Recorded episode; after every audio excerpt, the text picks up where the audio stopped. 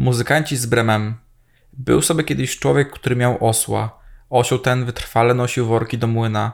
W końcu skończyły mu się jednak siły i nie nadawał się już do pracy.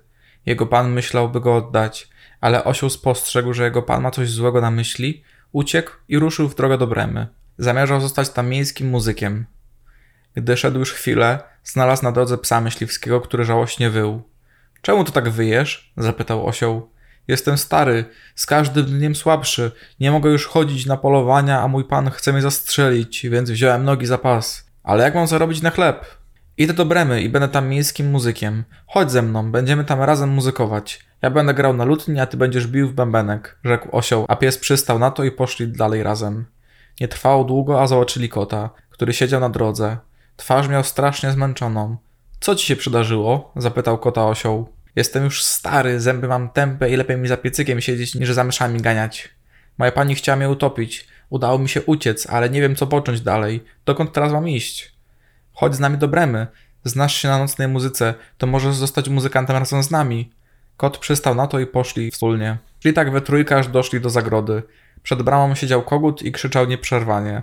Co się dzieje, że tak krzyczysz? zapytał osioł. Gospodyni rozkazała kucharce urąbać mi dziś wieczorem łeb. W niedzielę będą goście i będą jeść ze mnie zupę. Krzyczę sobie teraz na całe gardło, dopóki jeszcze mogę. Chodź z nami, idziemy do Bremy. Coś lepszego niż śmierć znajdziesz zawsze. Masz dobry głos, będziemy razem muzykować. Będzie to brzmieć świetnie, zaproponował osioł, a kogutowi spodobała się propozycja i dalej poszli w czwórkę. Ciężko jest dojść do Bremy za dnia. Wieczorem dotarli do lasu, gdzie chcieli przenocować. Osioł i pies położyli się pod wielkim drzewem, kot wspiął się na gałąź, a kogut pofrunął na czubek, gdzie czuł się najbezpieczniej.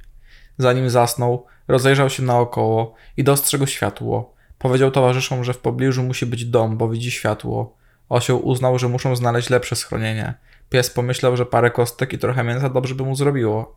Ruszyli więc w drogę, skąd dochodziło światło. Zawędrowali przed jasno oświetlony dom zbójców. Osioł jako największy podszedł do okna i zajrzał do środka. Co tam widzisz? zapytał kogut. Nakryty stół z cudnym jedzeniem i trunkiem. Zbóje siedzą w koło i sobie nie żałują. Zwierzaki zaczęły się zastanawiać, jak przepędzić zbójów. Wreszcie znalazły środek. Osioł stanął przed nimi nogami na ognie, pies skoczył na osła plecy, kot wspiął się na psa, a na końcu kogut pofrunął do góry i usiadł kot na głowie. Gdy to już się stało, na znak zaczęli ze swoją muzyką. Osioł krzyczał, pies szczekał, kot miałczał, a kogut piał. Potem rzucili się przez okno do izby, tak że szyby zaprzęczały. Rabusie podskoczyli z okropnym krzykiem do góry. Myśleli, że nadszedł duch i w wielkim strachu uciekli do lasu. A czterech towarzyszy usiadło przy stole i każdy jadł ile serce zapragnie, z które mu najbardziej smakowały. Gdy skończyli, zgasili światło, a każdy wedle uznania poszukał swojego legowiska. Osioł położył się na gnoju, pies za drzwiami, kot przy piecu koło ciepłego popiołu, a kogut pofrunął na dach. Szybko zasnęli. W nocy rabusie zauważyli z daleka, że w domu nie pali się światło i w koło jest spokojnie. Herszc zbójów posłał zbój, aby sprawdził, czy w domu ktoś jeszcze jest. Zbój zastał wszystko w ciszy, poszedł do kuchni i chciał zapalić światło. Zobaczył ogniste oczy kota i pomyślał, że to rozżarzone węgliki.